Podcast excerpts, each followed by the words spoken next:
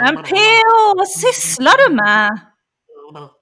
What the fucking cat is that? Vadå? Bilden du nyss laddade upp! Väl, det är jag på fritiden. Hmm. Ja du, i så fall är jag glad över att du är mest umgås på arbetstid. Mm, why? För att annars hade Olof Edsinger börjat fäkta efter mitt vänstra öga alternativt försökt slänga in mig i en kall dusch och inget av alternativen låter speciellt trevligt. Försöker du säga att du tänder på kvinnor med vapen, P.O.? Ja, jag var ju militant vänster i min ungdom så. Varmt välkomna till Kristna Datingpodden. En livsstilspodd om kärlek, relationer och sexualitet. Med mig, P.O. Flodström, och mina båda kollegor Silla Eriksson och Lars Gunther. Podden presenteras i samarbete med kristendate.se. Varmt välkomna till ännu ett avsnitt av Kristna Datingpodden. Den saliga trion som numera är en dynamisk duo. Men Silla, det gick ju ganska bra sist ändå. Eh, Även om det bara var vi två. Ja, men absolut. Nej, men jag tyckte det kändes jättebra P.O. att få köra ett avsnitt bara med dig på tu man hand. Verkligen. Det var jättekul. Ja, jo, det var jättetrevligt. Ja, Men eh, faktiskt. Vi hade, vi hade faktiskt väldigt roligt. det jag känner ändå det där. Det saknades någon som liksom kunde begära att eh, våra påståenden skulle backas upp med två stycken av varandra oberoende studier. Jag känner, Mm. jag känner ja, att jag behöver det ibland. Vi, vi är lite olika där du och jag P.O. Ja, jo, det, Det, det, finns, det finns en liten blå man i dig också. Börjar märka mer och mer. Ja, Du börjar inte kalla mig moderatmupp nu. Där, där går gränsen. Okej att säga vänstermupp, men Nej, det finns Det lite finns blått i dig P.O. Du är väldigt gul i din personlighet men det finns också lite blått börjar märka mer och mer. Finns där. du vet om att gul är någonting vi på vänsterkanten kallar folk som vi anser är fascister va? Alltså, okej, det hade jag ingen aning om. Det. Ja. Men P.O. vad, berätta vad händer i ditt liv? Eh, ja, vad händer i mitt liv? Säg mål, säg mål. Just idag är jag lite glad. Jag hänger med, min, hängde med min goda broder Samuel här tidigare idag. Ja. Eh, vi eh, spelade fotboll och eh, gjorde ett full body workout-pass. Okej. Bra, bra. Det är bra att du ligger i och tränar. Det är imponerande P.O. Ja, precis. Keep up the good work så att säga. Keep up the good work. Och du då? Har du varit ute och cyklat som vanligt? Tagit en promenad runt Djurgården? Ja, nej, men jag tränar ju som vanligt varje dag så det är inget unikt så. Men eh, jag kan känna mig lite här överväldigad på något vis av allt det jag framför mig. Jag, trots att jag inte vet exakt vad det är så känner jag känner mig lite nervös. Faktiskt. Brukar inte hillsångare alltid säga att det bästa, det best is yet to come? Jo men det är ju det liksom. Och den här veckan så började jag faktiskt läsa en kurs på ALT. Jag skulle läsa. Gamla Testamentet. Så jag har liksom fått, du vet, så kalla fötter nu. Så känner jag så här att jag inte kan någonting. Samtidigt som jag ser, du vet, allt det stora jag har framför mig och att jag kommer sitta alla morgonsoffer och du vet allt det här, snacka sexporr, kristen tro och så börjar jag få så här panik och bara känna att jag kan ingenting och bara hjälp, jag har inte det som krävs och du vet. Så nu känner jag att jag måste lära mig så himla mycket saker. Men alltså så här, du är ju en sjukt driven person. Eh, du lyckas med det mesta, vad jag vet i alla fall, av allting du tar dig för. Så att jag har svårt att se hur du inte ska kunna göra det här glorious extra allt också. Ja, jag, jag känner mig nervös i alla fall. Ja, men det är bara bra. Det betyder att du är ödmjuk inför livets utmaningar. Annars så skulle du vara dryg. Ah. Eller drygare, kanske. En del tycker. Så det blir intressant att se hur lyssnarna mm, ser på mig efter dagens avsnitt. Ja. Ja. Men annars då? När du inte är nervös, vad händer i datinglivet eller i livet? Jag kan inte sluta tänka på dig Du är underbar Du har alltid en plats här inom mig Och P.O. Alltså jag är så lycklig! Alltså livet är verkligen så rosa, fluffiga moln, det är liksom solsken och lollipops och... Okej. Silla, du låter nästan lite förälskad. Alltså jag tror det faktiskt. Okej. Vad, vad, har jag, vad har jag missat nu? Har du varit på en dejt utan att berätta om det? det här så att jag ska flytta till Solna. Till, till Solna? Ja. Alltså Silla, du är mycket men en förortsbrud är du inte. Ja men så vem vill bo på Östermalm när man kan bo i Solna liksom? Alltså min lägenhet är strax utanför Hemnäsby.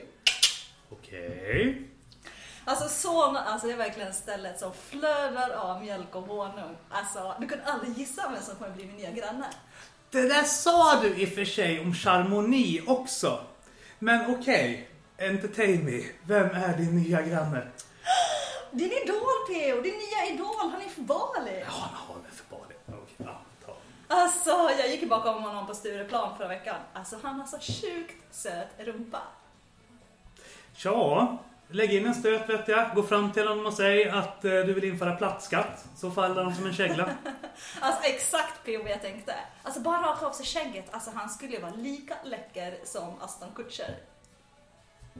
Tja. Olof Edsinger kommer nog börja fäkta efter ditt vänstra öga snart också. Men alltså, vadå? Ska du börja dejta en riktig högermupp bara för att du inte får napp på några frikyrkokillar? Ja men P.O. du vet ju det är de muppiga frikyrkomän. Alltså börjar komma in i ett rum så börjar de liksom bara så skaka som små kattungar som precis har sett en varg. Fast nej. Nej. Nej, Silla. Det är inte så. Det är ju du som bara håller på och dömer ut alla dessa häftiga, coola, helt fantastiska frikyrkokillar. Ja, men alltså jag tänker liksom Hanif ändå, alltså han har ju tillräckligt kinn på näsan tänker jag för att kunna hantera en stark kvinna som mig. Dessutom så skulle jag ju lätt stötta mig i min vision att göra Sverige till ett tryggare och bättre land att leva i. Eh, Och tänk, men på riktigt, tänk vilket team han och jag skulle bli. Dessutom så har han en personlighet, han har utstrålning till skillnad från er gråa, tråkiga frikyrkomän. Men nu får du väl ta och ge dig! Det är sant, jag säger Alltså vad så här, är alltså Silla, nu har du suttit här i 14 fucking avsnitt och bara rantat och tryckt ner alla oss underbara frikyrkokillar. Jag börjar få nog på riktigt. Och nu sitter hon och dessutom gör obscena gester till mig, börjar påpeka för lyssnarna. Jag pallar inte det här längre. Vi sitter ju tillsammans ska vi kanske säga där också. Ja, eh, på grund av att jag fick lov att gå och hämta Svante, Samuel och Jakob. För jag var, jag var så trött på de här generaliseringarna mot oss frikyrkokillar. Så jag kan väl börja med, eller ni kanske ska presentera er själva. Vi kan väl börja med dig Svante. Svante, vem är du? Vår ny- senaste medlem i den nystartade Killpanelen. Yes, Svante heter jag. Jag är 38 år gammal, jobbar som sjuksköterska, bor i Stockholm. Yes, Jakob är 42. Jag är skild med två barn, bor i Solna och jobbar i egen rörelse. Och Samuel Johansson, 34 år, från Borlänge. Jobbar som mätingenjör, annars lärare i fem år. Ja, vita, medelålders, framgångsrika frikyrkomän. Men singlar. Enligt eh, din hierarki Silla så är ju då Samuel och Svante längst ner i din hierarki. Jag och Jakob kanske precis strax med näsan ovanför det sopvatten som du har tryckt ner oss i här i jag vet inte hur länge. Och som du dessutom tog hjälp av Jesus Feministpodden i förra avsnittet. Personlighetslösa, gråa, trista. Alltså jag känner de här grabsen. De är allt annat än personlighetslösa, gråa eller trista. Och det de dessutom är, det är ett tvärsnitt över svenska frikyrkomän singlar i åldern 30 till 45. Det, det håller inte jag med om. Jag tycker inte att den här, jag tycker inte de här är representativa för den här målgruppen överhuvudtaget. Faktiskt. Nej, men det är de. Jag, jag tycker inte det. Okej. Ja. Då Jag, får du vet inte, börja. jag vet inte jag ska utveckla det mer än så men... Okej. Mm, mm. Eh, nu vet jag inte ifall jag ska säga till skillnad från dig för du hänger ju också mycket med frikyrkomänniskor. Men jag har ju hängt mycket i Örebro och Jönköping, de här liksom stora frikyrkofesterna.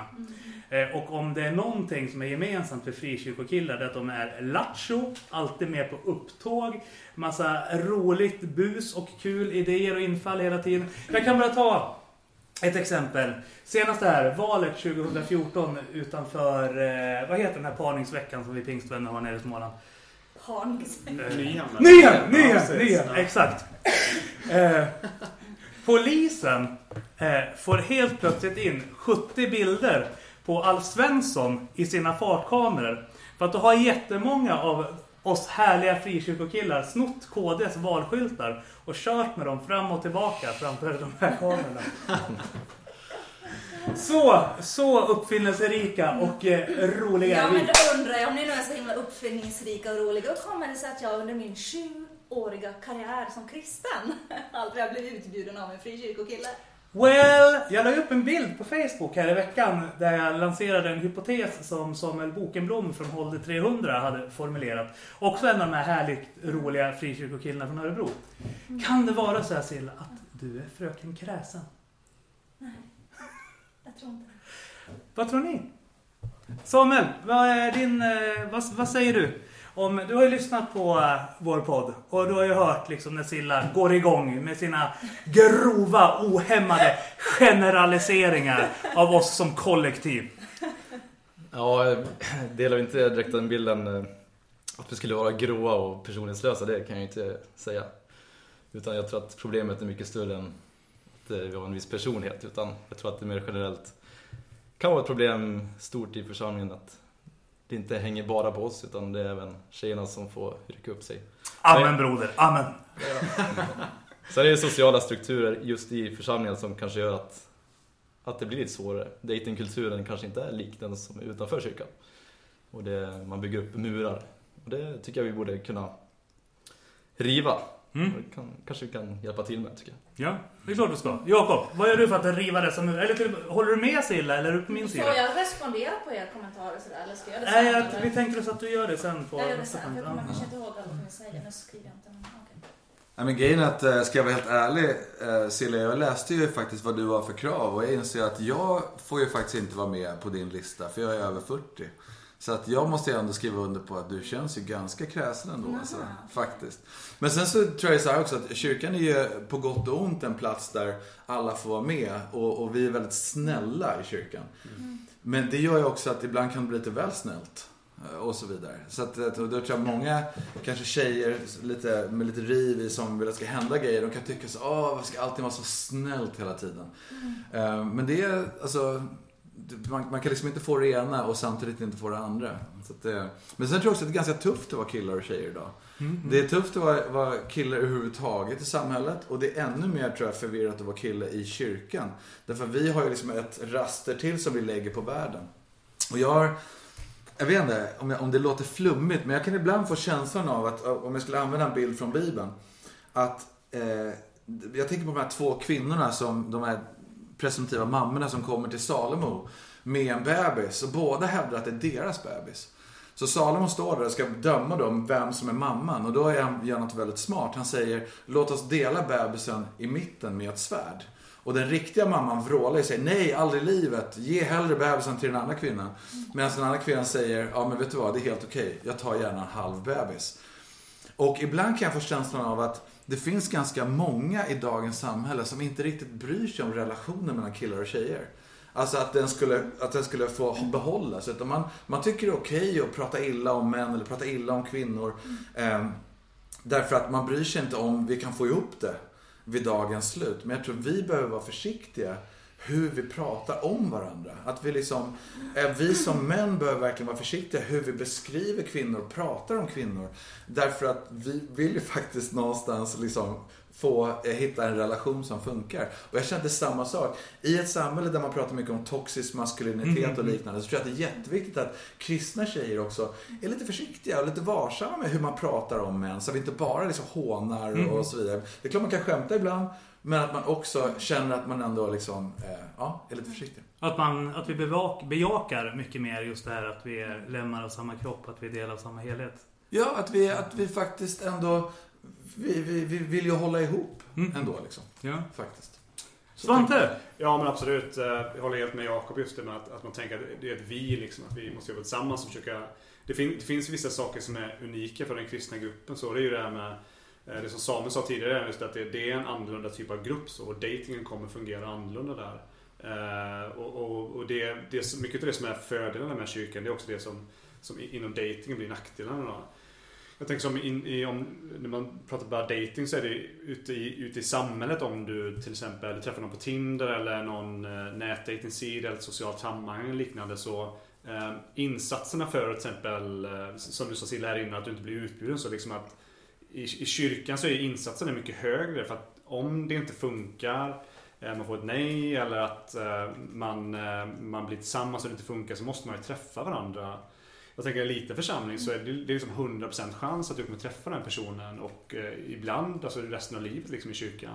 Men alltså ute i, ute i samhället så behöver du ju i stort sett, det är väldigt låg sannolikhet att du kommer behöva träffa den personen igen då. Dels är det att det blir ju kanske mindre, eller om du till exempel träffar någon på Tinder eller liknande, att det blir mindre krystat och det blir mer avslappnat på något sätt. Och sen, eh, sen att eh, det, det, det är inget pris att betala för att ta initiativ då. Men, men, samtidigt, jag menar, kyrkan har ju, det är ju mer positivt än negativt med kyrkan, just den, den här lilla gruppen så, för annars hade ju ingen av oss varit kvar. Så jag, jag, så jag tror att det är vissa saker som man ändå skulle behöva liksom adressera och sådär. Ja. En sak Svante som jag skulle vilja spinna vidare på nu när jag ändå har din uppmärksamhet. Eh, när du och jag pratade i telefon här för två veckor sedan så nämnde du att du också hade lyssnat på Jesusfeministpoddens avsnitt om mansöverskottet. Eh, och att du höll med om mycket av deras beskrivning. Så jag måste fråga dig, anser du själv att du är personlighetslös? Personlighetslös? Ja, alltså eh, Vi hade ju den som alltså grund för den här diskussionen just den eh, avsnittet som heter Kvinnoöverskottet och även när de var här och besökte er podd så. Eh, alltså personlighetslös, alltså vad ska man, vad ska man säga där? Eh, alltså jag, jag tänker ju att att i en grupp, alltså delvis så kan jag hålla med om sådär, just det att i en grupp så måste man kanske tona ner eh, alltså individuella, om man, om man är väldigt spretig på något sätt så måste man, det finns en viss eh, box på något sätt som alla måste in i för att man ska ha något, någonting gemensamt. Så jag kan tänka mig ändå att, att man blir kanske lite mer dämpad sådär i- inom kyrkan. Men, men eh, ja, personlighetslös, det, det tänker jag inte sådär. Men, men, eh, men alltså generellt så tycker jag om kyrkan att det, det kan ju vara lite... Eh, det, det är väldigt väl putsat och väldigt välansat jämfört med övriga samhället. Det, det kan jag ändå tycka liksom. Och, och det här att kyrkan kan bli liksom tråkig, det är ju inget nytt direkt. Det där är man ju ändå liksom, det är ju något som kommer upp eh, med, jämna mellanrum liksom att, att vi i kyrkan, vi är liksom, vad ska man säga? Liksom det här med att man ska tona ner liksom personligheten på något sätt och, och eh, ja. Vill du säga något Jakob? Nej, men en grej jag tänkte på från den, det avsnittet var just att det mynnar ut i på slutet att de ger Silla tipset att hon ska hitta könsseparata Eh, forum där hon kan vara med bara tjejer. Och jag kan tycka att det är lite deppigt. Liksom att lösningen ska vara att man ska vara med bara, vara med bara tjejer liksom. Ja, men det, där, det, där blir jag jätteledsen över. Jag har en så jättefin bild av män. Alltså jag, alltså jag, verkligen, jag har så otroligt stor respekt och, eh, och så för män. Jag har vuxit upp egentligen i en värld med bara män runt mig. Och som jag sa, jag skulle inte ha varit där jag är idag om det inte vore för alla fantastiska män som verkligen har lyft fram mig och trott på mig och det här.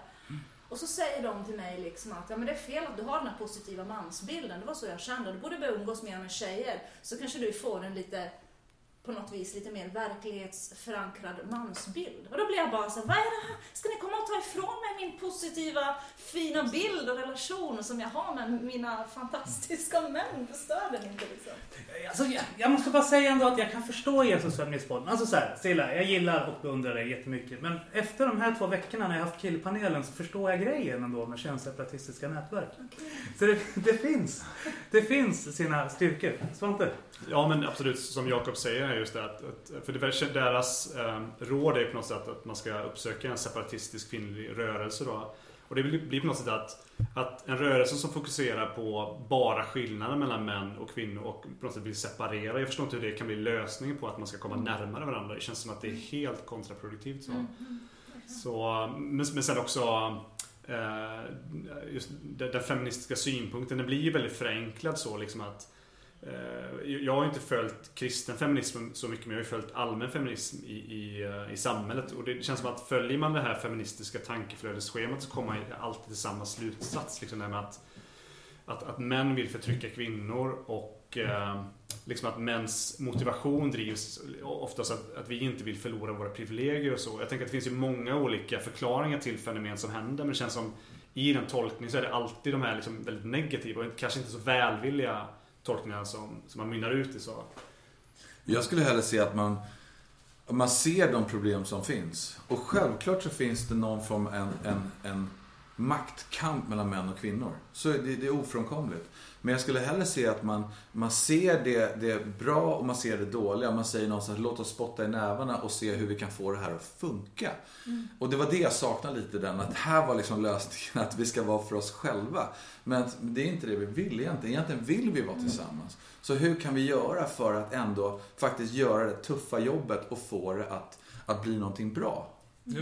Samuel, vad tänker du? Du har ju teamat varit ungdomsledare i Ja. väldigt många år. Så... Nej, det jag tycker är alltså, det är dumt att gräva skyttegravar och kasta granater på varandra. Eh, om vi skulle komma med några försök att, ja men kvinnorna då, ni klarar inte av att ta oss där. Utan, jag tycker, men ta en, en bra dialog istället. Ja. Vad är det som gör att, det kan, att eh, många kvinnor upplever att de inte blir uppvaktade av män och vad är det som händer och varför finns det sju kvinnor på tre killar och sådär. Och, eh, Eh, vart tar killarna i vägen? Är det naturligt att det finns naturligt fler tjejer i församlingen? Varför är det så?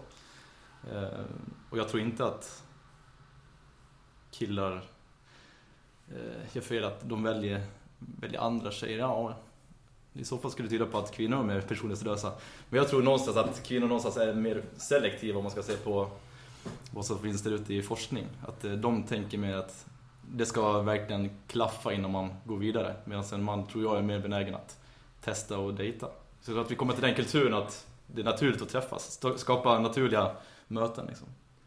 Silla, är det ett kort inspel? Jag har ett kort inspel, men jag, jag, ibland tänker jag så här. Att ni män i kyrkan förstår nog inte hur otroligt lätt det är som kvinna att få en kille utanför kyrkan. Alltså helt allvarligt, senast igår. Jag blev utbjuden av två killar på en och samma dag. Det är ganska ovanligt att det är två på samma dag. Men bara så att ni förstår lite grann. Det är så, så jag behöver inte lyfta ett finger för att få en, alltså en dejt. Det är så fruktansvärt lätt. Men att få en dejt med en kille i kyrkan, det händer aldrig. Jag kämpar, ni vet jag kämpar. Jag tar ifrån tårna, jag försöker prestera, jag försöker liksom att, åh, liksom så här. Men ändå så lyckas jag inte. Medan utanför kyrkan behöver jag inte göra någonting. Jag kan bara sitta där och bli uppvaktad hur mycket som helst. Alltså, Fast är det inte lite så också Silla, att det vi pratar om är två olika saker? Därför att det du egentligen vill ha är ju en relation med en annan kristen person. Så när du säger att du kan få en dejt, ja, jag, jag köper att det är för, förmodligen är mycket lättare utanför. Men det är ju inte egentligen det du vill ha ändå. Men det börjar ju med en dejt, tänker jag ändå. Eller hur? Jo, men den dejten som du kan få väldigt lätt leder ju kanske inte till det liv du egentligen vill ha. Därför jag inbillar mig att du vill ha ett liv med en person som, tror, som har samma tro som du. Jo, men det är viktigt. Så att det är, så, ibland kan jag tycka att det är lite vanskligt att jämföra det utanför. Där man kanske, okej, allt- det kanske är lättare där. Eh, och så vidare. Men mm, det tar oss liksom inte vidare på det sättet och jämföra på det. Och Sen, så, jag köper vad du säger. Och jag kan också önska på ett sätt att det vore mer lätt, alltså lättare i våra sammanhang att bara testa. Men utifrån det som, som Svante sa förut också. Jag fattar också, är du i en församling där man är kanske 100-150 personer. Av dem så är de flesta antingen barn, pensionärer eller gifta. Så din målgrupp är kanske fem personer. Och av de fem då, om du ska fråga ut en person på en dejt. Det blir rätt skakigt liksom rent socialt. Och sen om jag bara ska spinna vidare på det som Jakob sa. Vi brukar ju skoja en del om Joshua Harris, du och även den här How I Kiss Dating Goodbye. Men han, han har ju en poäng ändå som jag tycker att Jakob träffar in på här. Eh, Jag vet inte vilket liv ni levt tidigare så. Men jag hade en period när jag var klubbmästare, jobbade mycket inom krogvärlden, eh, nöjesbranschen och så. Och jag ska säga, en dejt där, den handlar om att du ska ligga med personen den kvällen. Sen, Ja, jag- jag- sen, sen, sen, är, sen är det ju liksom in, in, inget mer så. Alltså det är en helt annan, det är en mycket kortare form av eh, agenda, överlåtelseform. Eh, Medan eh, när det Jakob pratar om, alltså då ändå när du bjuder ut någon, då tänker du ändå så här, ja men kan det här vara min framtida fru? Ja, men jag, har, jag är, in, jag får bara säga att jag är verkligen, jag har aldrig haft ett one night stand. Mm. Jag har aldrig, trots att jag inte har vuxit upp i kyrkan, så är jag inte den typen av tjej. Nej, så reder ut Ja, ja, absolut. Men det vet ju lyssnarna om, för det har vi pratat om tidigare det. också. Ja, okej. Eh, och sen, alltså så här, jag vet inte. Är jag en viss typ av kille? Bara för att jag har levt livet. Jag vet inte. Eh, jag tänker att vi blir produkter av de miljöer vi befinner oss i och att det också skapar vilka sociala normer som styr vårt agerande lite grann. Och återigen då för att knyta an till det Jakob sa. Att ifall vi befinner oss i en miljö som värderar de långa överlåtna relationerna och som eh, lär ut och predikar att vi ska vara försiktiga och varsamma med varandra. Så gör kanske det också att eh, människor blir lite mer eftertänksamma eller, än ifall du är i en miljö där ja, men du ska dämpa din ångest för natten och då säger ja, men jag ligger med dig mot att du håller om mig. Så här, enkel transaktion. Så. Eh, Men sen tycker jag också att, att eh, det är ganska svårt tror jag för många killar att tänka vem som ska ta initiativet. För vi får ju höra från samhället hela tiden att tjejerna peppas till att ta för sig, att vara mer aktiva. Och man får en känsla av att det ligger någonting bra i det. Det, det är ett egenvärde att tjejerna är mer drivande. Men samtidigt då så, så är, är vi i en miljö som kanske ibland är mer konservativ och mer försiktig. Plus att nu, nu ska inte jag, vi ska inte prata om ålder här, men det är klart, efter 30 kan man tänka sig att de killarna som är väldigt heta på gröten, väldigt så aktiva, de kanske redan har liksom gått ut och, och varit aktiva och redan plockat någon. Så att vi som är kvar efter 30 upp till 40, vi kanske är mer försiktiga karaktärer, möjligtvis. Jag inte. Förutom du och jag för vi hade ju ett frikort eftersom vi är skilda båda Jakob. Så det är ju liksom, det är Svante och Samuel som är mesarna i den här hierarkin som tydligen finns bland Men jag måste bara flika in att jag inte är den här personen som sitter här liksom i min soffa och liksom tittar sprickor i taket och liksom ber till Gud om att han ska skicka en man som flyger in genom fönstret. Alltså helt allvarligt, du, vi har pratat en del om det. Jag har bara i sommar bjudit ut fem stycken män. Alla har sagt nej. Hmm. Alla har sagt, det var kristna alla fem. Ingen har inte fått ja från en enda. Hmm. Då kan man ifrågasätta liksom. Min, jag har en policy faktiskt. Om en kristen kille bjuder, bjuder ut mig så får inte jag säga nej. Det är sant. Se, och se hur det har gått ibland. Men, Nej men alltså det är sant. Jag har varit ute på fem dejter. Under mina 20 år sedan jag var kristen har jag varit ute på fem dejter. Fem kristna män under 20 år som har bjudit ut mig. Och de har jag inte tackat nej till. Men, men jag tänker det, om man går, går tillbaka till den här podden som vi, som vi har pratat om tidigare. Så de pratar ju om det här med kvinnoöverskottet. Då. Och det är ju det är en av de, de grejerna som det jag håller med Katarina och Sara i Jesus Feminist-podden. Att, ja, just det, det, det blir, när det är, de talar om att det är 70% kvinnor och 30% män. Jag, jag vet inte om, den, om det är riktigt så stor skillnad, det kanske är 60-40. Men att, att, det är en, att det är en övervikt av kvinnor i kyrkan. Alltså, jag, jag tänker att, att det kan påverka liksom eh, att, att, som man så vet man, man, kommer, man, man har ingen risk, eller det är väldigt liten risk i alla fall, att inte träffa någon så liksom. Och, och eh, att, att det kan vara lite hämmande, det, det kan jag absolut tänka mig sådär. Eh, och eh, ja.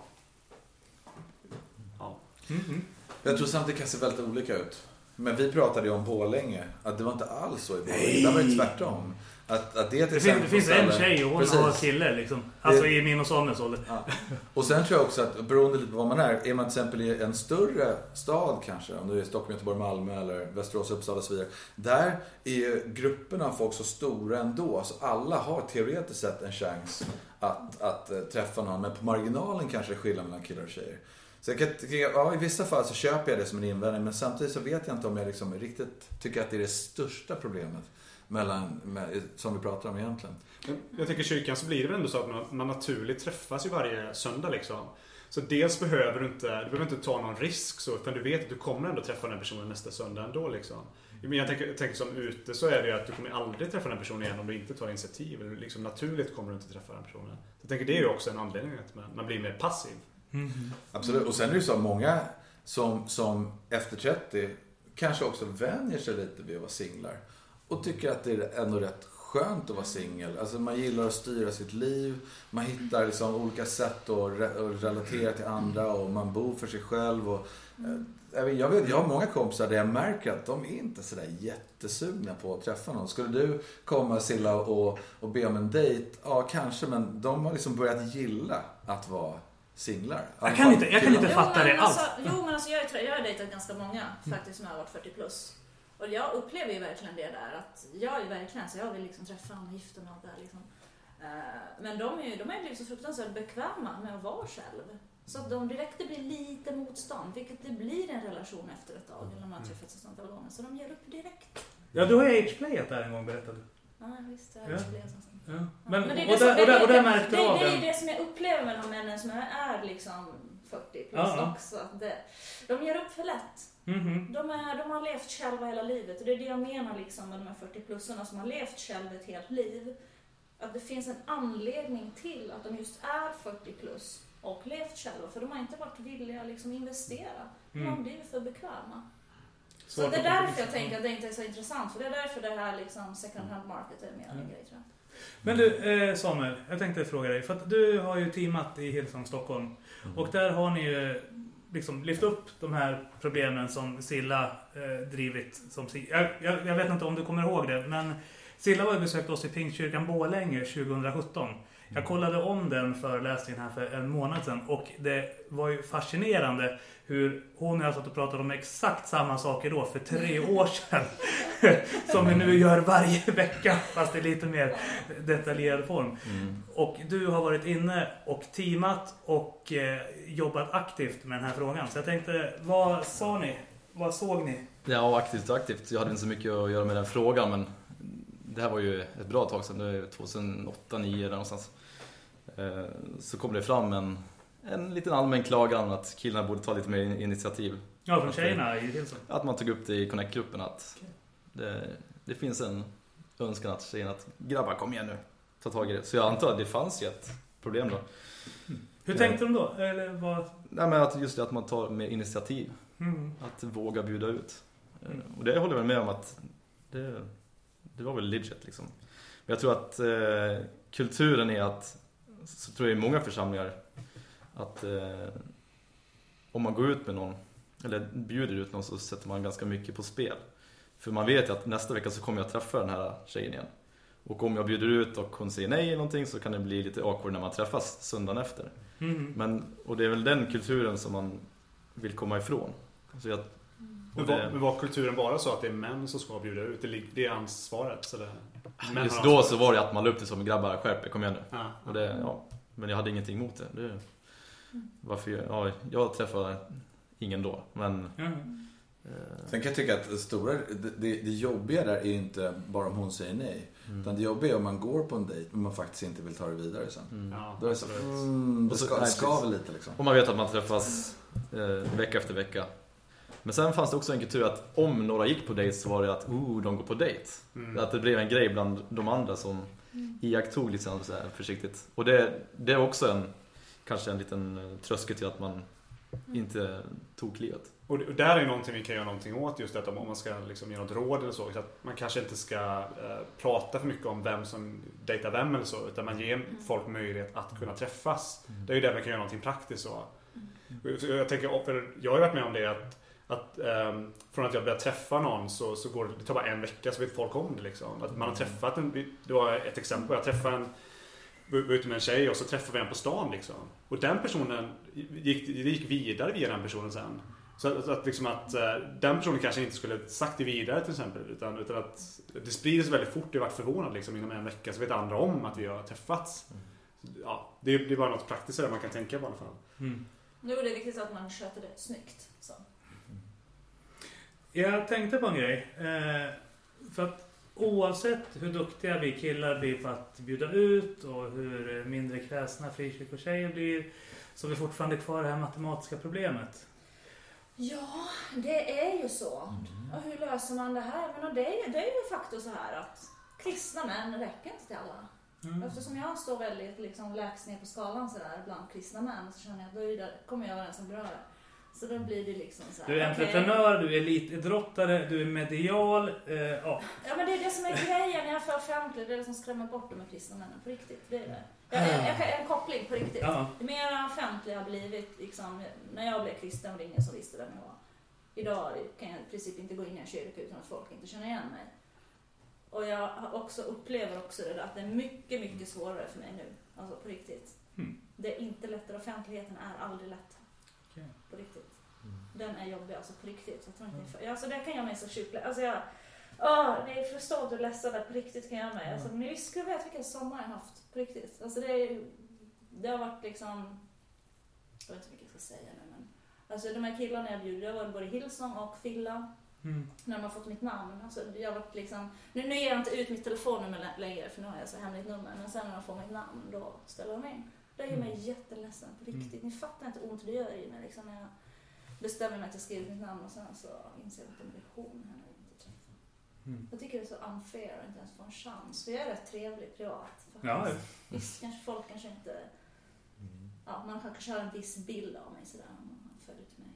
Så, ja, Där kan det kanske vara skillnad då mellan tjejer och killar. För jag upplever att jag har mycket lättare i Gävle där jag kan spela på ett liksom, någon form av lokal kändisskap. Så. Men sen, alltså, jag, jag måste bara fråga er, för att jag, jag känner inte... Alltså, det är därför jag ville ha en killpanel, för ibland kan jag inte alls relatera till saker du säger till mig. Jag blir så här... Jag får kognitiv dissonans och hela min hjärna skriker för att ingenting av det du säger makes sense. Så, så därför måste jag så här, kolla av. Hur, hur, hur är ni, alltså utifrån vilken typ av tjejer drar, drar till sig er När uppmärksamhet? ska vi köra frågorna? För jag har ganska mycket frågor på just det här. Ja. Men jag vet inte hur... Eh, Kör. Och vad man ser hos en tjej? Ja. Oj, det vet jag inte. Det är ju väldigt... Så, här, vi tycker nog väldigt olika tror jag, vad man dras till för person. För the Peacock Theory, den är ju, appliceras ju på killar. Eh, Men för egen del så applicerar jag den på tjejer också. Att Alltså, desto mer de hörs och syns, eh, desto mer attraktivt är det. Liksom. Ja, det Jag är inte säker på att jag köper den när det gäller tjejer. Mm. Jag tror att... Det är väldigt olika. Jag har ju alltid haft väldigt lätt att eh, uppskatta tjejer som jag uppfattar väldigt olika mig. Mm. Mm. Och det känns som en, en, liksom, en, en faktor om vad man är på den skalan. Liksom. Ehm, så. Men det är alltid, jag har alltid tyckt att det var väldigt spännande med tjejer som Ja men typ konstnärliga tjejer eller tjejer som ja, men bara inte gör det jag gör. Och jag är liksom ja, mer siffernisse liksom i grunden, ekonom och sådär. Mm. Men jag tror alla funkar inte så. Men, Mm. men jag funkar så. Ja. Sen vet inte jag om det har någonting med att göra med att jag är kristen. Jag tror inte det. Det är nog mer bara allmänmänskligt. Ja. Tror jag. Ja, men jag tror också så här opposite attracts. Alltså jag väljer aldrig, jag skulle aldrig vilja ha någon superextrovert, eh, spontan människa med massa idéer. Jag Mm. dras inte till det överhuvudtaget. Det är ju totalt opposite. Mm. Du vill ha en revisor. Ja, men faktiskt. Ja, det, är, ja, men det har vi pratat om. Ja. Det med blå ekonomkillarna liksom, som Ja. kan liksom, göra stapeldiagram hela livet. Det är, det är verkligen det. Ja. Eh, Eh, Men om vi går tillbaka till det matematiska problemet med hur vi som församlingsrörelse kan attrahera jämnare mot eh, könen. Jag jobbar ju på Bibeln idag som verksamhetsutvecklare. Eh, och eh, en av de mer oroande eh, statistiska underlag som jag har fått fram under det senaste halvåret. Det är att vi håller på att utrota oss själva. Eh, om vi tittar på de som växer upp hos oss de siffror jag har nu pekar på att det, vi kanske är 20% av oss är kvar när vi är 21 år. Eh, och, då har, och då är det den sista mätpunkten som vi på Bibeln idag gör. Så att vi har inte mätpunkten vid 30. Så vi vet inte, kommer människor tillbaka när de liksom har börjat bilda familj och eh, ja, ska liksom börja bygga vuxenlivet? Eller är det så att eh, människor träffar en partner utanför församlingen och eh, försvinner bort? Eh, för jag, kan ju säga, jag brukar ju hålla på och skoja med dig en del om just det här med att "Nej, men Silla är klart du inte ska ta en profan kille. Det finns ju massa coola frikyrkokillar. Men samtidigt har jag fullständig respekt och empati för eh, where you're coming from så att säga. För att jag är inte alls säker på att jag kommer att leva som jag lär när jag börjar närma mig 40. Eh, då, kan det, då, då kan det bli, ha blivit helt ombytta roller mellan det med att du sitter och säger till mig att så här, men P.O. skulle inte du ha en frikyrkotjej? För att eh, den största rädslan någonstans är att så här, leva och dö ensam. Och då börjar man kompromissa med sina eh, grundvärderingar, hur starka de än är så. Ja, och där får man ju fråga sig själv, vad är viktigt för mig egentligen? Mm.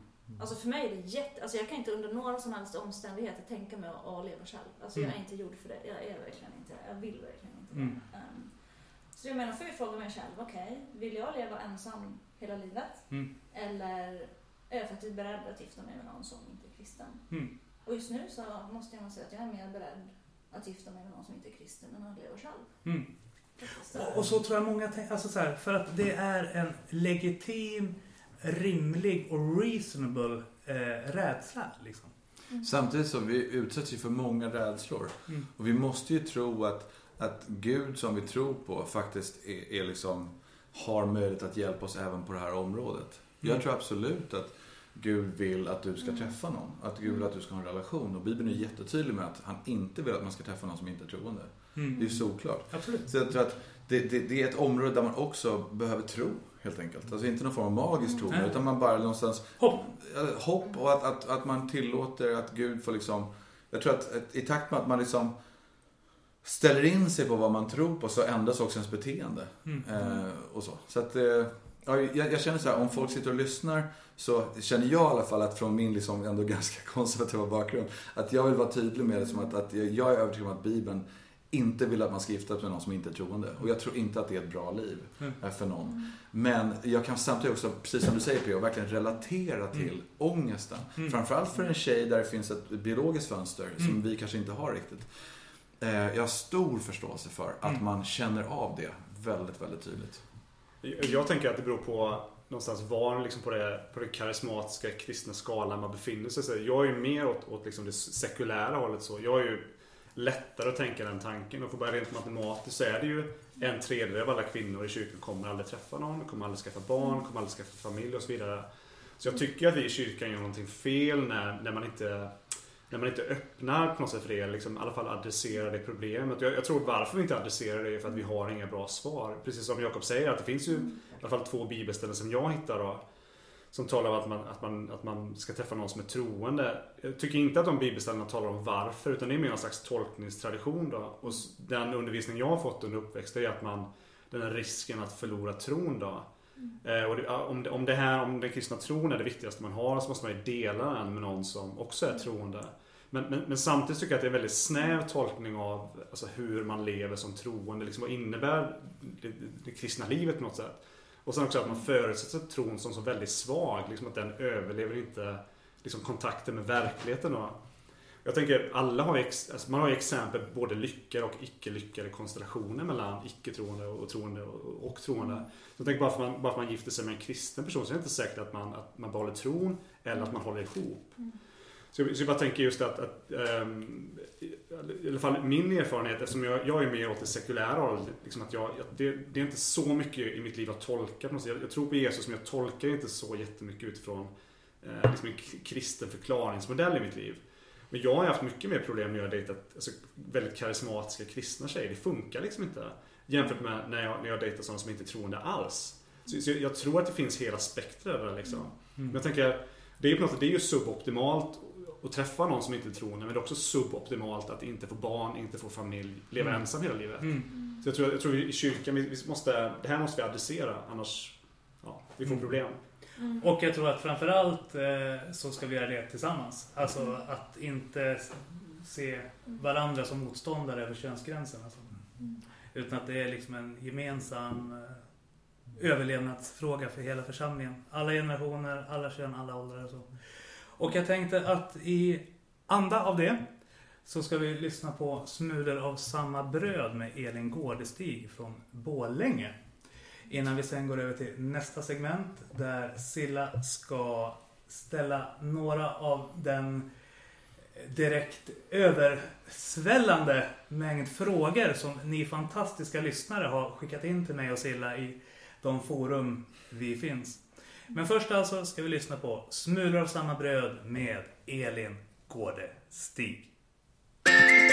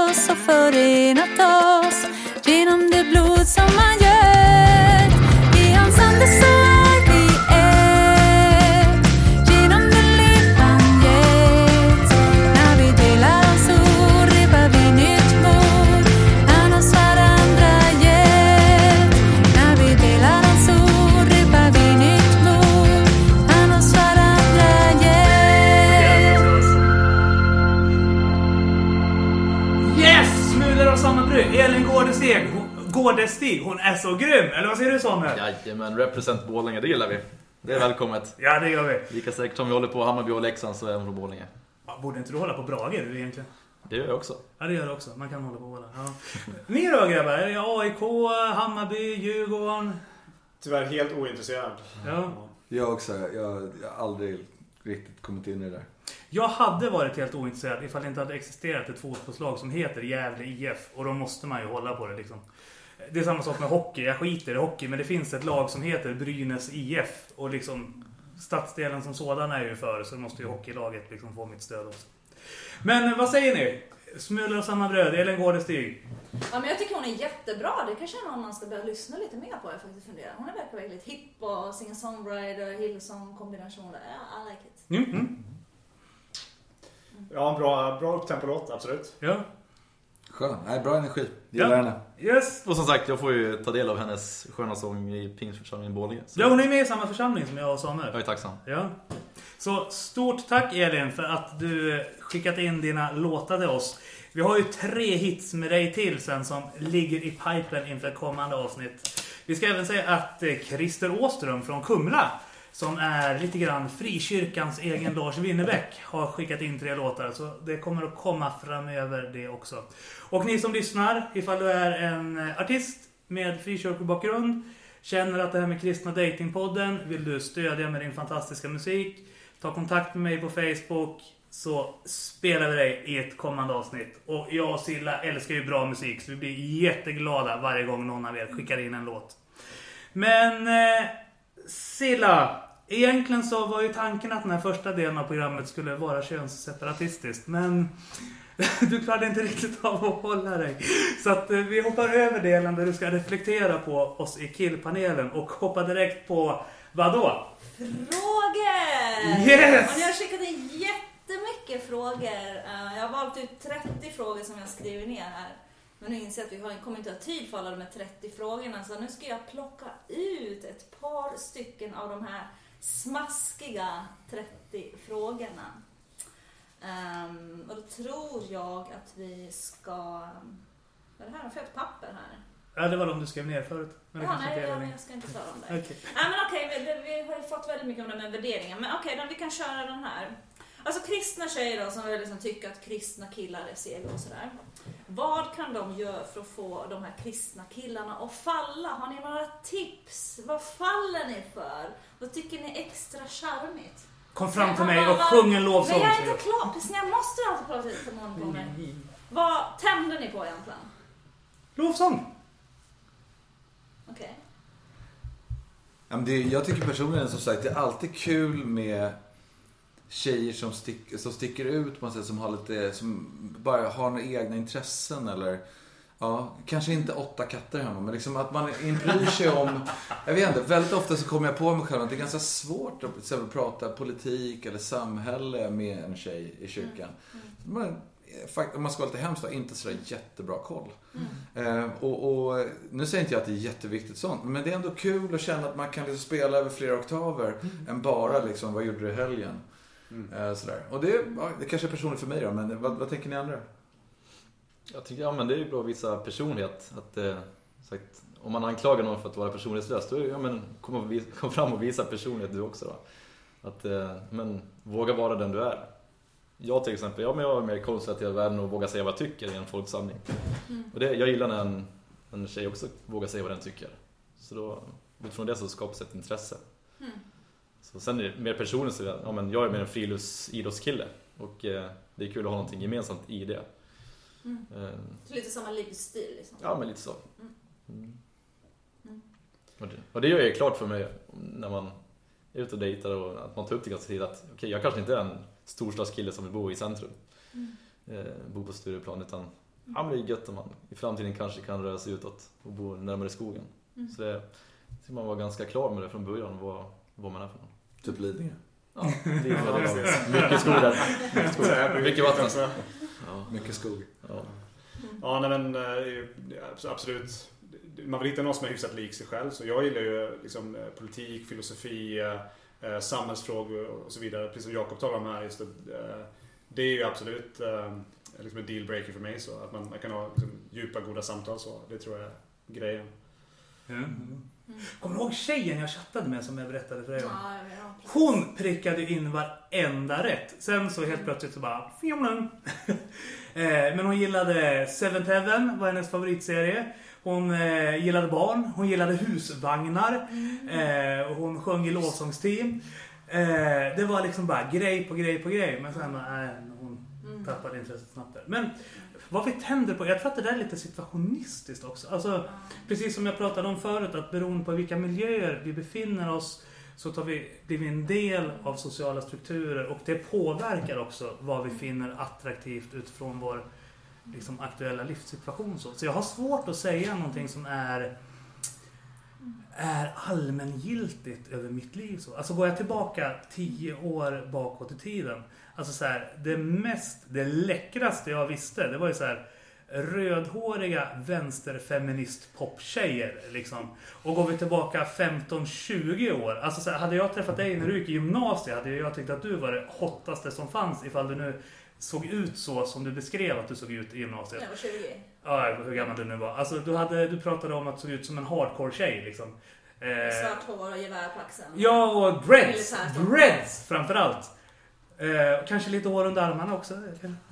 Ja. Nej men alltså ni ser, saker förändras. Alltså så här, på grund av att beroende på i vilka miljöer du är så, tar du, så liksom får du Men du gillar lite tuffare brudar då? ord? Ja men när jag var hardcore-punkare, alltså så här, då var det ju desto hårdare desto bättre så. Och sen när jag var poppare då var det liksom andra preferenser.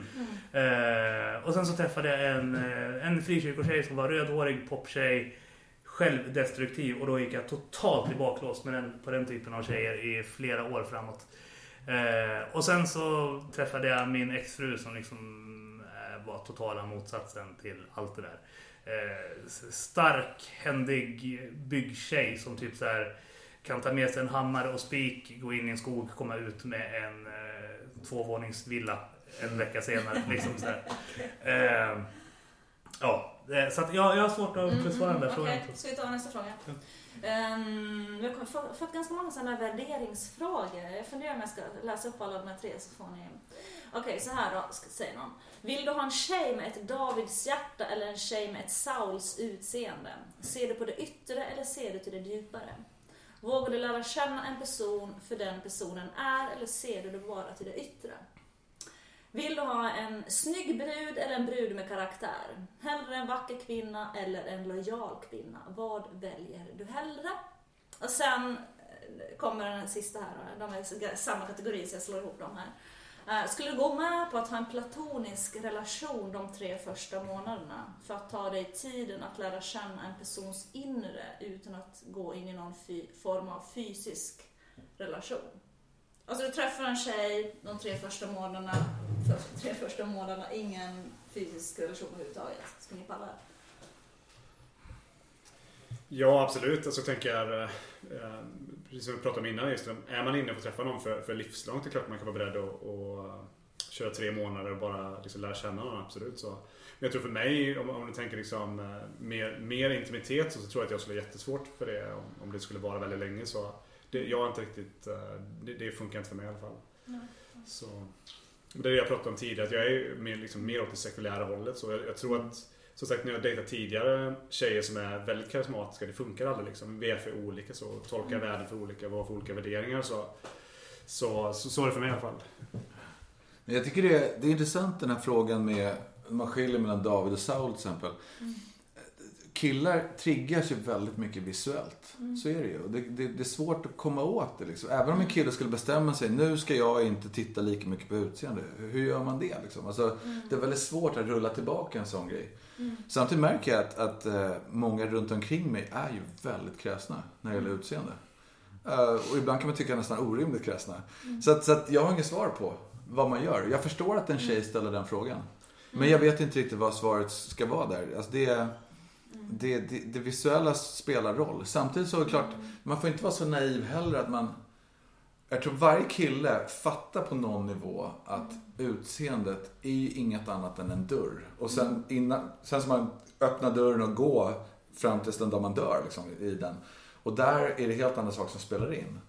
Men någonstans så verkar det som att även om vi vet att det är så, så är det ganska svårt att gå bortom den här utseendegrejen. Tyvärr man, kommer, man alltså. kommer inte runt det. Jag menar, det är ju utseende, det är det första vi ser. Man måste ju känna attraktionen, den här liksom sexuella attraktionen till en Mm. person. Alltså går det ju inte. Det är, det, Men, men det är väl inom kyrkan att, att vi idealiserar mer den inre. Liksom, så för att tron är inre. Det handlar ju inte om något, om något yttre så. Liksom, att det blir någon slags slagsida mot det. Så, jag tänker, är inte det... Jo men jag tror alltså Det är oftast utseende som väcker den här Åh, en söt tjej eller en, en, en motsvarighet om en schysst kille liksom. Eh, och det är det som skapar kanske det här intresset. Sen så förhoppningsvis om man känner det så vågar man gå fram och presentera sig själv. Mm. Sen det är där det börjar med att lära känna en person. Mm. Men eh, jag vet inte om man ska säga tyvärr så att men man går mycket på, på utseendet det första initialt. Mm. Sen vill, man, sen vill man såklart lära känna den personen mer och ganska snabbt så visar det sig vem den personen är. Och då, i alla fall jag, känner att även fast den är väldigt vacker så kunde man att, ja men, hade inte den personligheten som jag sökte. Och då spelar det mer roll än just själva utseendet. Sen är det ju ofta så när man tar sig tid och verkligen lära känna en person, då förändras ju också oftast utseendet tycker jag efter ett tag. När man lär känna en människa och man inser att wow, den här människan har en jättefin personlighet.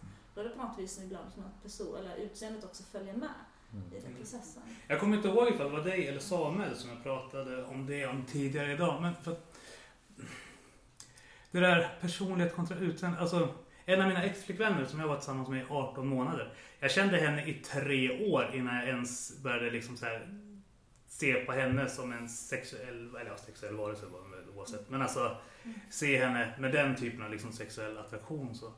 Eh, och sen, var, jag kommer ju från en annorlunda bakgrund så jag, blir, jag känner mig lite grann som ett UFO i relation till framförallt er tre, men även dig eftersom du levde samma liv som dem trots att du tillhörde den profana världen där jag fick en massa i relation till frikyrkan eh, skeva spelregler för liksom, socialt liv. Så. Eh, en, en av mina bästa kompisar började som en KK, liksom, ett one night stand. Vi har inte haft någon som helst eh, sexuell dragningskraft till varandra de senaste åren, vilket har gjort att våra vänskapsdelar har fördjupats. Alltså. och- Men överhuvudtaget, jag har jättesvårt för den där typen av frågor. Alltså, jag brukar säga ibland att jag är lite demisexuell. Eh, och just det handlar ju om att så här, beroende på hur olika relationer utvecklas över tid förändras också hur jag ser och liksom upplever en persons yttre karaktärsegenskaper. Ja, Jag är, jag är ju väldigt konservativ när det gäller att gå vidare i någon relation sådär fysiskt. Jag ser det som naturligt att man lär känna en person innan man blir fysisk på något sätt. Så jag skulle säga att vara fysisk innan 3-4 månader skulle jag se som att gå snabbt fram. Så jag är mer konservativ när det just gäller den saken. Men jag skulle ju, jag tänker ju fortfarande att jag vill vänta med sex tills jag gifter mig. Samtidigt så inser jag liksom att eh, ska, det, ska det bli så, då ställer det krav på hur jag interagerar med den här personen. Och jag tycker det är, det är jättesvårt. För det, plötsligt måste man lägga det på en nivå då som, ja, som inte känns 2020 liksom. Och det, är- det är jättetufft alltså. Jätte, jättesvårt. Ja, sista frågan då. Nu har vi fått väldigt mycket sexfrågor här. Jag får sitta och fundera vad jag ska ställa här nu. Kan det ha någonting med frågeställaren att göra? Ja men alltså så här om jag lägger, lägger fram själv en liksom tanke här. Alltså jag, jag börjar förstå varför kristna har så dåliga sexliv. Mhm. Mm, mm. Det finns tydligen en kristen instruktionsbok i hur man ska ha sex. Jag har inte lyckats hitta den, jag vet inte var den finns. Men den finns. Den säger ja men du får inte ha den här ställningen, du får inte ha den typen av sex. Ja men förresten tänk på det här och det här och det här. Ja men jag fattar att man liksom tappar suget innan man ens har hunnit börja. Och vad anser ni om det här? Finns det liksom viss typ av sex som man inte får ha? Finns det vissa ställningar som inte är okej? Hur tänker ni liksom kring det här? Till bokens försvar så heter den 187 Glorious Sex Positions. Så att Silla, innan du dömer ut den här boken så tycker jag faktiskt att du ska ta en titt i den. Men hur, på vilket sätt var den kristen, 187? Liksom? Nej, det vet jag inte för jag har inte läst den. Men den heter 187 Glorious Sex Positions. Så att, Jag har aldrig hört talas om den här boken. Och jag, jag tror ja, inte... En absurd tanke, jag har inte ens tänkt det där. Jag, jag tror inte att, att det är så. Jag tror inte att kristna har så tråkigt sex egentligen. Ehm, däremot kan jag tänka mig att det finns en, hos, om man skulle fråga, finns det hos många kanske en, en fundering på jag, menar, jag, jag inbillar mig ändå att mycket av experimentlusten kring, på, kring liksom ställningar kommer ju lite från porren.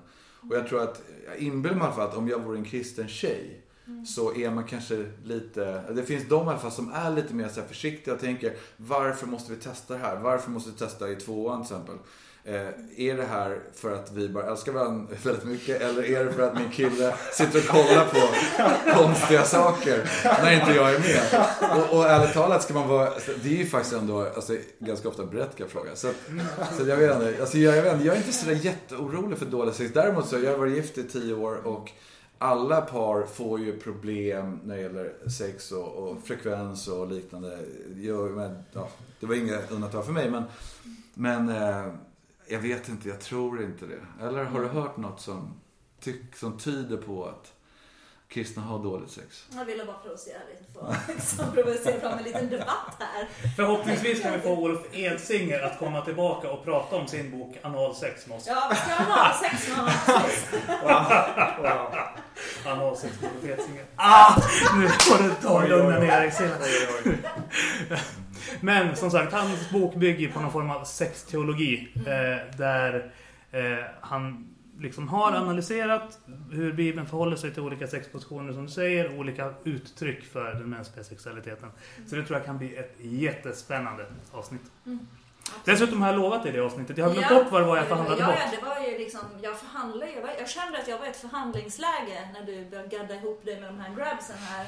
Så du sa Ah. utbyte att du får gadda ihop dig med de här grabsen så vill jag ha ett analsex-avsnitt med Olof Edsinger. Okej. Fast jag vill ju ha båda. Jag vill ju både ha en killpanel och ett analsexavsnitt med Olof Edsinger. Så att jag ser inte på vilket vis det här var till min nackdel.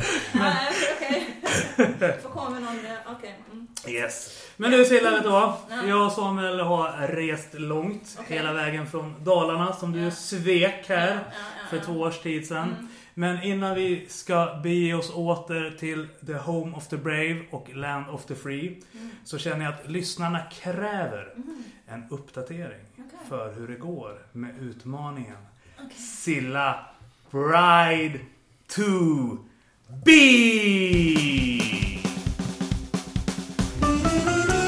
Vad ska jag ha på mig? Vad ska vi bjuda gästerna på? Vart ska vi vara? Men åh, vem ska jag gifta mig med? Ska Silla klara utmaningen? Att både möta sin drömkille och hinna föra honom till altaret innan året är slut? Följ utmaningen hashtag SillaBrightToBe 2020 i varje nytt avsnitt av Kristna Dating. Silla Brightobe, Ja, hur har dejtandet gått sen sist? Det går rykten om att du har hängt med helikopterkillar. alltså. Ja. Ja, jag vet inte. Ja, just det. Jo, jag var på en fest faktiskt förra helgen. Och då var det faktiskt en kille som faktiskt på riktigt jobbar som helikopterpilot. Oh. Ja, fast han är inte så intresserad av mig. Okej. Mm. Så. Annars då? Du har dejtat som vanligt.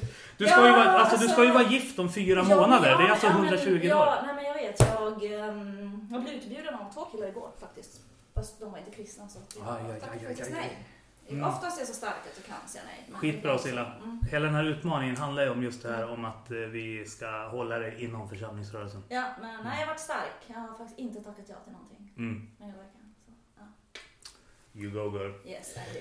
Men du Silla, en fråga som faktiskt måste ställas nu när jag sitter här med hela min killpanel. Kan det inte vara så att det är du som är lite kräsen? Jag minns när jag trodde att du och jag hade ett moment i min hallonbuske. Våra blickar möttes medan du förföriskt spottade ut en kärna åt mitt håll. Så jag smög upp vid din sida och viskade i dina små snäckformade öron. Ett liv med dig i seger för alltid. Eller kanske för lyssnarna mera känt som Hasta la Victoria siempre. Vilket ju är de legendariska orden som Ernesto Che Guevara yttrade innan han lämnade den kubanska halvön för att rida ut i natten och rensa hela den sydamerikanska kontinenten från moderatmuppar och helikoptersnobbar. För mig är det något av det mest romantiska man kan säga till en tjej. Men du bara slog mig och kallade mig för en vänstermupp. Och grejen är att jag, jag kan ju känna så att det är lite konstigt när du säger att jag, jag har frågat så många killar om de vill gå på en dejt och sådär. För vi umgås ju faktiskt socialt du och jag Silla. Och jag kan inte minnas att jag någonsin har fått frågan eh, på något tillfälle att vi skulle kunna gå på en dejt eller någonting. Så det känns lite märkligt. Och en annan gång när jag försökte mata dig med choklad och franska ostar och du bet mig i fingret! Ja, alla såg vi ju när du satt och bläddrade höger på Tinder och då sa det, Nej den där killen han har ju liksom inget hår. Och då var det som ja men då går jag bort direkt. Även fast jag skulle bjuda ut dig så och kommer med en helikopterplatta så då blir det ju ingenting. Ja, jag har ju försökt stöta på dig på, på Stureplan, jag bjöd dig på bollingar. Jag verkligen maxade liksom. Du, du stod ju bara och kollade på Hanif Bali liksom. Det var ju, kunde ju inte konkurrera. Nej, så som sagt Silla, kan det vara så att ni frikyrkotjejer är lite för kräsna? Eller är det så att vi måste konstatera att det är du som är lite för cool för alla oss? Jag menar, jag minns i mars när du testade positivt typ för covid-19 och Gunther ringde mig för att meddela att läget såg allvarligt ut för corona. Tre dagar senare fick dessutom Copeland sitt profetiska tilltal. Och vi har väl alla sett hur det har spridits över världen. Ja, det är ju så. Jag vet inte om eh, alla vet om det, men jag och eh, Silla tränar ju på samma gym. Och, det är ju, man tror det, eh, att när, Silla gör armhävningar så det är egentligen inte att hon trycker sig själv upp. Det är att hon trycker ner jorden liksom. Så grym är hon. Vi satt och spelade Monopol en gång, kommer ihåg, du och jag Silla och några till här i mars. Och när du förlorade så gick ju börsen ner 300% dagen efter. Ja, ja, ja, jag kommer ihåg det här. Jag personligen förlorade 40 000 på att du sitter och spelar Monopol med ett gäng civilekonomer på söndagnätterna. Eh, Silla, Silla är annars så grym att hon vinner ju Idol bara genom att använda teckenspråk. Ja, så var det ju. Minns när vi gick på bibelskola tillsammans så var det ju lärarna som fick rä- räcka upp handen när de ville att du skulle säga någonting. Nej men det är lite grann så här det är Silla. Det är Silla-nature liksom. Eh, jag kommer ihåg, jag, jag har ju blivit Facebook-vän med din mamma. Du kanske inte vet om det. Eh, men så vi har utbytt lite Silla-historier med varandra. Och hon berättade att när du var liten och blev biten av en finsk huggorm. Så eh, efter tre dagar av pina så avled hon. Ja, precis. Eh, när, när, när Silla är på skjutbanan så träffar hon ju 11 av 10 mål med 9 skott. Imponerande. Helt galet. Grejen är att jag har hört ett rykte då att Sillas tårar botar cancer. Ja men det var väl en jäkla synd att hon aldrig gråter i så fall. Precis. Jag har ändå hört att eh, det går ett rykte på Hilsen att Silla egentligen dog 2015 men att döden ännu inte tagit emot att hämta henne. Alltså, när, när, när Silla exponerades för covid-19 så fick ju viruset sitta i karantän i två veckor. Och Svante, du jobbar ju på uh, IVA-enheten på sjukhuset. Ja, precis. Eh, Jag jobbar som akutsjuksköterska och eh, ibland så brukar jag träffa döden i korridoren. En gång var hen helt skärrad så jag satte mig ner och tog en kaffe med hen. Döden berättade då att han haft en nära Silla-upplevelse. Ja, jag förstår. Eh, ja, men det är ju en imponerande tjej den här Silla. Eh, eh, en annan gång när jag sprang på din mamma, då berättade hon att när du föddes Silla, då körde du själv hem hela familjen från BB. Eh, och min ex-svåger, han är rymdforskare. Han berättade att skälet till att inte hittat något liv på Mars är för att du hade varit där. Vapen dödar inte, Silla dödar. Sill- Silla är så grym så hon vann en gång en tävling i att hålla andan under vatten mot en fisk. Men Svante, Jakob, Samuel, vad är det vi vill egentligen säga med allt det här? Att Silla, du är en helt fantastisk och grym, cool och härlig tjej. Så till våra lyssnare vill vi bara säga, bjud ut henne. Var skriver du någonstans? Eh, ja men vad är det du heter på kristendate.se? Silla85. Silla85. Yes. Come on boys. Och med det så vill vi avrunda veckans hashtag Silla Bride to be. What are you waiting for?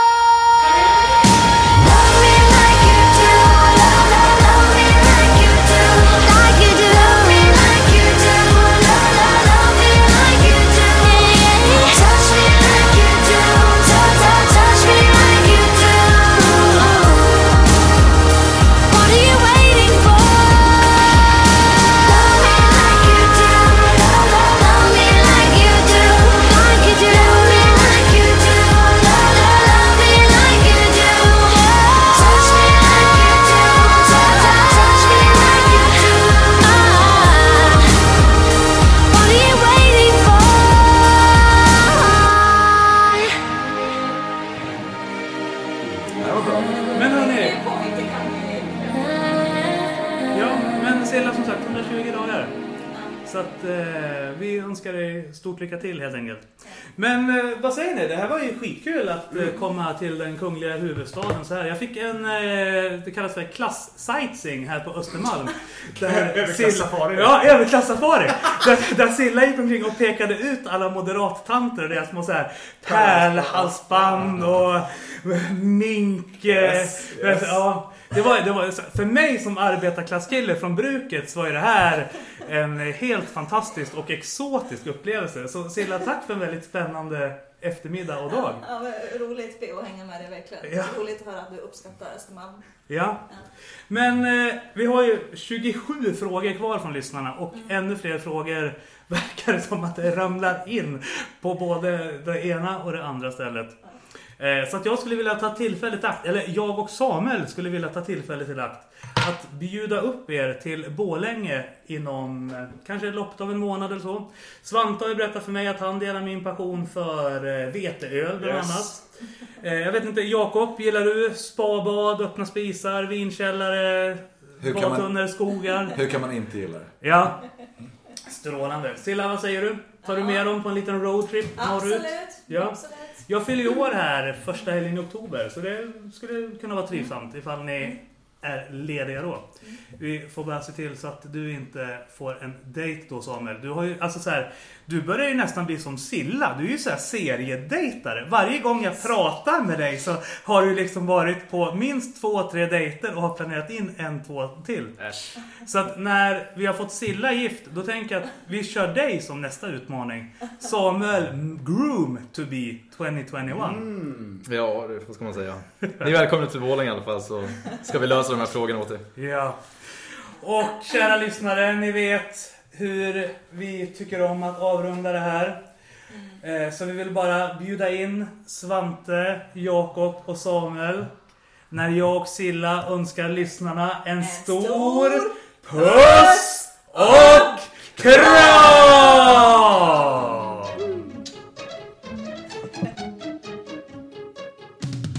Hjärtligt tack för att ni har lyssnat på Kristna Datingpodden. En livsstilspodd med Theo Flodström, Cela Eriksson och Lars Gunther. I samarbete med kristendate.se.